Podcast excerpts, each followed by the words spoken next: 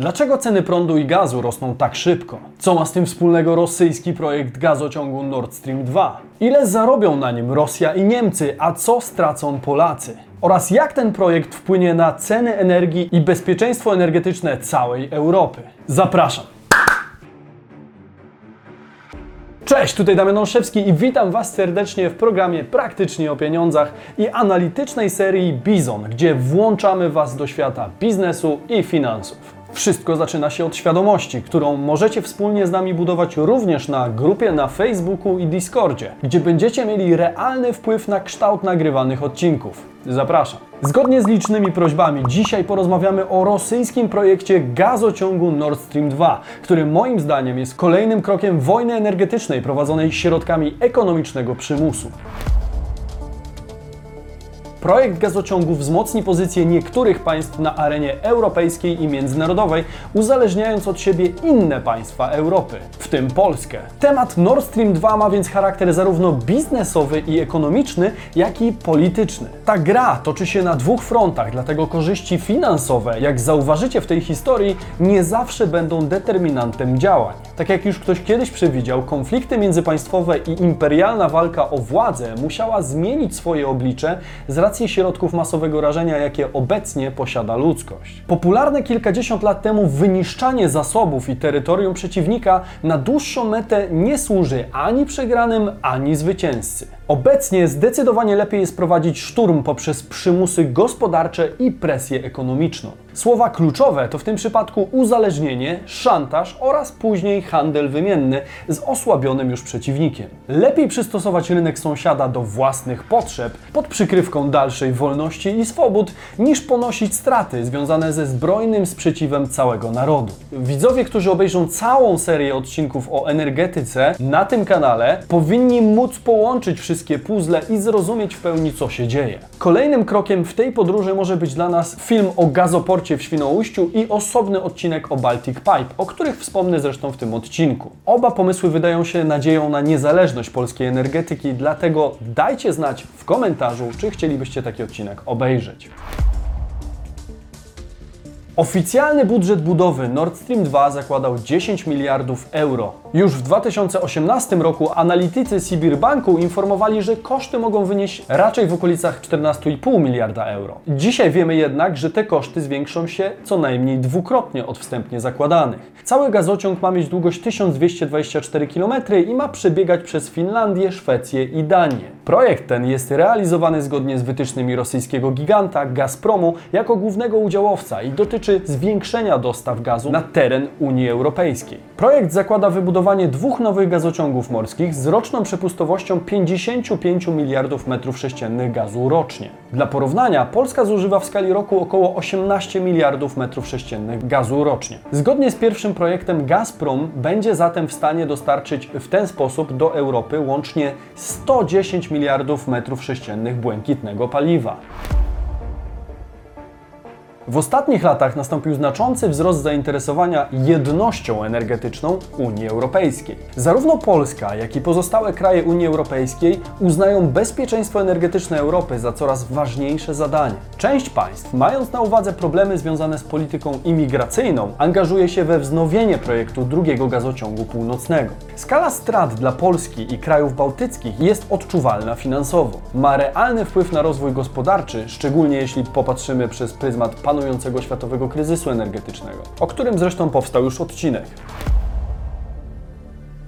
Budowa i prowadzenie transportu gazu nowymi rurociągami pozwoli ominąć dotychczasowych pośredników. Mowa o państwach biorących udział przy transporcie Jamał Europa, w tym właśnie Polskę. Patrząc na sprawę tylko ze względu ekonomicznego, straty Polski szacuje się na setki milionów euro. Gazociąg jamalski, który przebiega przez tereny naszego kraju, zapewnia 10 miliardów metrów sześciennych gazu. To dane z pierwszego kwartału 2021 roku. Jest to niemal 30% całego importu. Wiele wskazuje na to, że Rosja nie powinna wycofać się z transportu surowca gazociągiem jamalskim. Chociażby dlatego, że oba Nord Streamy nie dadzą rady zastąpić również i tej trasy.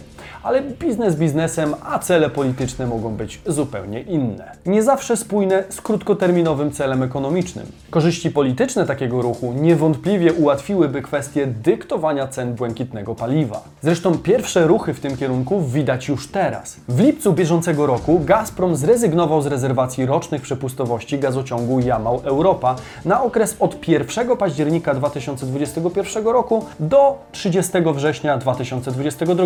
Zrezygnowano również z dodatkowej przepustowości ukraińskiej sieci gazowej. Ponadto w ostatnich miesiącach koncern, mimo rosnącego zapotrzebowania na surowiec w Europie, ogranicza się tylko do realizacji zobowiązań kontraktowych. Rosyjski gigant nie korzystał z możliwości sprzedaży dodatkowych ilości gazu na giełdach, co bezpośrednio przyczyniło się do gwałtownych wzrostów ceny surowca energetycznego. Całość ma oczywiście na celu skłonienie części wpływowych partnerów rosyjskiego koncernu do rozwiązania problemów regulacyjnych Nord Stream 2. Wszystkie te działania mają wiele celów politycznych. Polska, jeśli chodzi o sprawy ekonomiczne, straci na tym projekcie kilkaset milionów euro. Mowa o ominięciu naszych terenów, czyli pozbyciu się nas z listy pośredników. Sprawa jest prosta. Brak pośrednictwa to brak wpływów do budżetu. Do tego dochodzą kolejne skutki budowy gazociągu, na przykład wyższe stałe ceny gazu w środkowej i wschodniej Europie.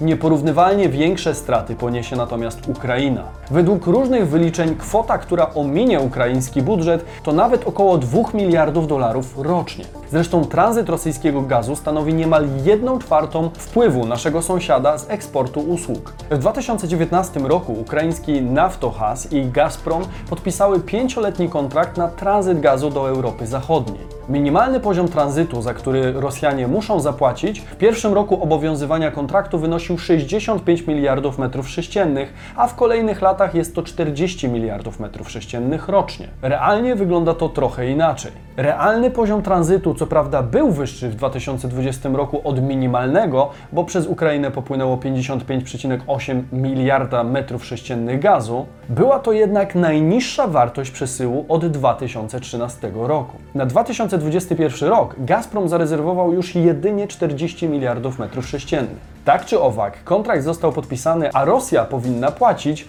bez względu na to, czy gaz płynie, czy nie. Jednak dzięki Nord Stream 2 Federacja Rosyjska będzie w stanie bez przeszkód dyktować Ukrainie warunki nie tylko finansowe, ale również polityczne. Wszystkie te zabiegi bezpośrednio uderzają w europejską jedność energetyczną i finansową. Nie można też zapomnieć o zagrożeniu geopolitycznym, jakie niesie za sobą nowy gazociąg względem naszego wschodniego sąsiada. Ukraina jest w tym momencie w znacznym niebezpieczeństwie.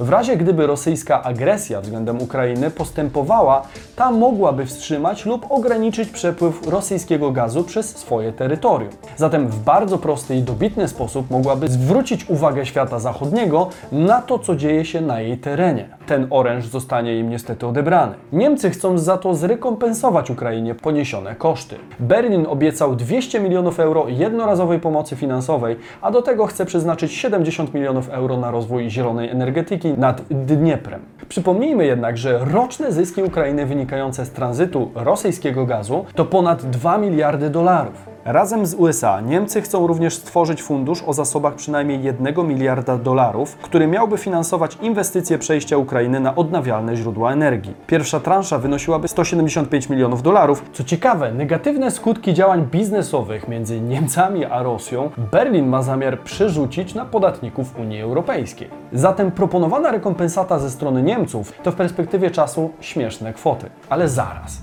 skąd w tej historii wzięły się nagle Niemcy proponujące jakieś rekompensaty po nitce do kłębka? Zrozumiemy to za moment. Nord Stream 2 to przede wszystkim nowe możliwości wyłączenia tradycyjnych tras dostaw, a to bezpośrednio wiąże się z podwyżkami cen. Przypomnijmy, że Rosja unika podpisywania kontraktów długoterminowych, a więc planuje w tej sferze duże zmiany.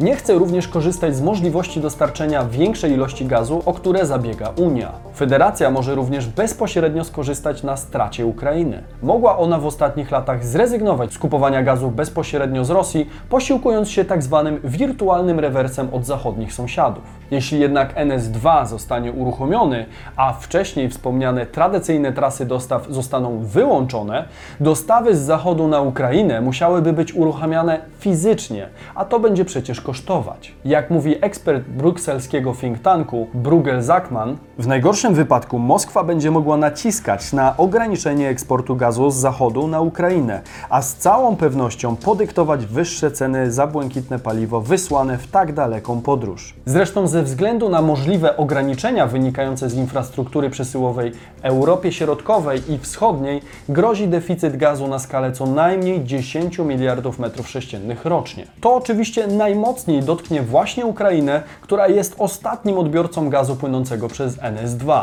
Wszystko to skłania ku powrotowi Ukrainy do bezpośredniej zależności od Rosji. Na przykład w postaci związania się umową gwarantującą dużo niższe ceny gazu w zamian za polityczne ustępstwa. Rosja na długoterminowych kontraktach z użyciem nowego gazociągu, które będzie mogła podpisać na swoich warunkach, zyskuje dziesiątki miliardów dolarów. Wszystko to składa nam się powoli na monopol na gaz w Europie. Te działania idealnie wpasowują się w doktrynę Falina Kwicińskiego. Mówi ona o tym, by sowieckie czołgi i Armię Czerwoną zastąpić rurociągami i przy pomocy uzależnienia od dostaw ropy i gazu utrzymać wpływy Moskwy w Polsce, Czechosłowacji i pozostałych krajach byłego bloku komunistycznego. Czy to właśnie do tego dąży Rosja?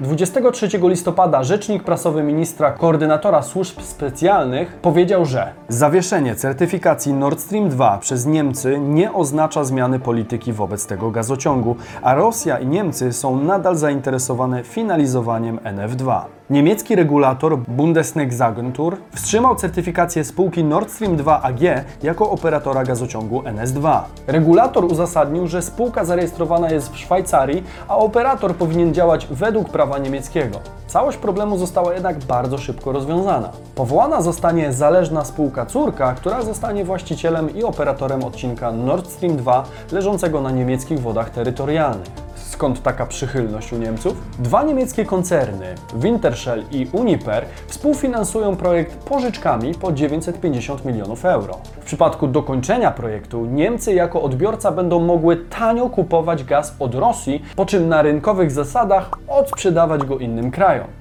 Same Niemcy będą mogły wykorzystać 30 do 50% mocy gazociągu, czyli 30 do 50 miliardów metrów sześciennych gazu. Reszta trafi na wolny rynek, a to uczyni z RFN największy hub gazowy Unii Europejskiej. Wszystko to ma być zgodne z prowadzoną przez Niemcy strategią Energiewende, którą sukcesywnie realizują od ponad 20 lat. Polityka ta zakłada wyjście z energetyki węglowej i jądrowej oraz przejście w pełni na energetykę ze źródeł odnawialnych, jak na przykład energia wiatrowa czy słoneczna. Dziś jest to jeszcze niemożliwe. Wiatr i słońce są przewidywalne, ale człowiek nie jest w stanie zmusić natury do kooperacji w każdym momencie. Stąd też jako zabezpieczenie sprawdzają się elektrownie gazowe. Brzmi pięknie, ale Niemcy wpływają swoją polityką energetyczną na całą Europę. RFN chce wymuszać zamknięcie kopalni węgla czy jądrowych, aby w ich miejsce stawiać elektrownie gazowe. Tak, dobrze myślicie. Docelowo miałyby one być zasilane gazem, który sprzedawany będzie przez Niemcy po uzyskaniu surowca rurociągiem Nord Stream 2 po bardzo niskiej cenie. Co ciekawe, Stany Zjednoczone nałożyły 22 listopada sankcje na dwa powiązane z Rosją podmioty zaangażowane w budowę gazociągu. Nie byłoby w tym nic dziwnego, gdyby nie fakt, że administracja Joe Bidena odstąpiła w lipcu tego roku od sankcji na niemieckie firmy. Co się wydarzyło? Jest to pokłosie porozumienia USA z Niemcami. RFN zgodziła się podjąć działania, jeśli Rosja użyje gazu jako broni w stosunkach z Ukrainą. Pakt ten jednak nie określił konkretnych kryteriów oceny podjętych działań. USA to jedyny znaczący gracz na rynku, który mógłby powstrzymać proces tworzenia i certyfikacji nowego gazociągu. Niestety tak się jednak nie dzieje. Wcześniej wspomniane sankcje są tak naprawdę pogrożeniem palcem, a nie prawdziwym wpływem rządu Bidena na Niemcy i Rosję. Można raczej powiedzieć, że lipcowe porozumienie na linii Waszyngton-Berlin jest przyzwoleniem na uruchomienie gazociągu. Do tego całość porozumienia została wypracowana w tajemnicy przed państwami środka i wschodu Europy. Tak naprawdę wszystkie te zachowania USA możemy uznać śmiało za chęć odbudowy całkowitej relacji z Niemcami oraz traktowania ich jako potężnego sojusznika w Europie, realizującego m.in. interes Amerykanów zza oceanu.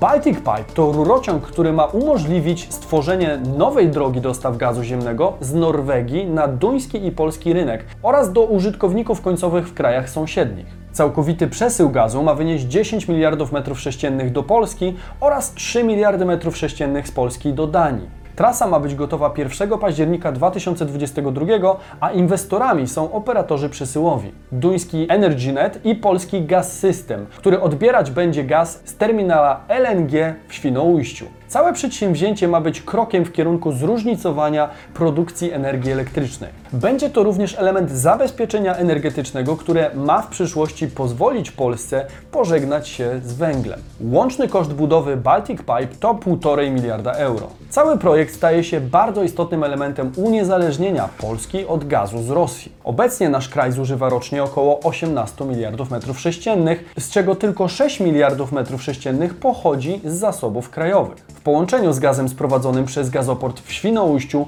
Polska będzie mogła w teorii wypełnić całkowite krajowe potrzeby gazowe bez udziału Rosji. Niestety jednak mówimy o chwili obecnej, a potrzeby wciąż rosną. Czy uda nam się szybko stworzyć alternatywę dla Nord Stream 2? Czy za moment zaleje nas fala migracji z Ukrainy uciekającej przed represjami Rosji? Tego dowiecie się w kolejnych odcinkach, dlatego warto subskrybować kanał tutaj i nadrobić wcześniejszy odcinek tutaj. Mówił Damian Olszewski, a to była analityczna seria Bizon. Jutro opowiem Wam o tarczy inflacyjnej, która ma uchronić nas przed spadkiem wartości pieniędzy.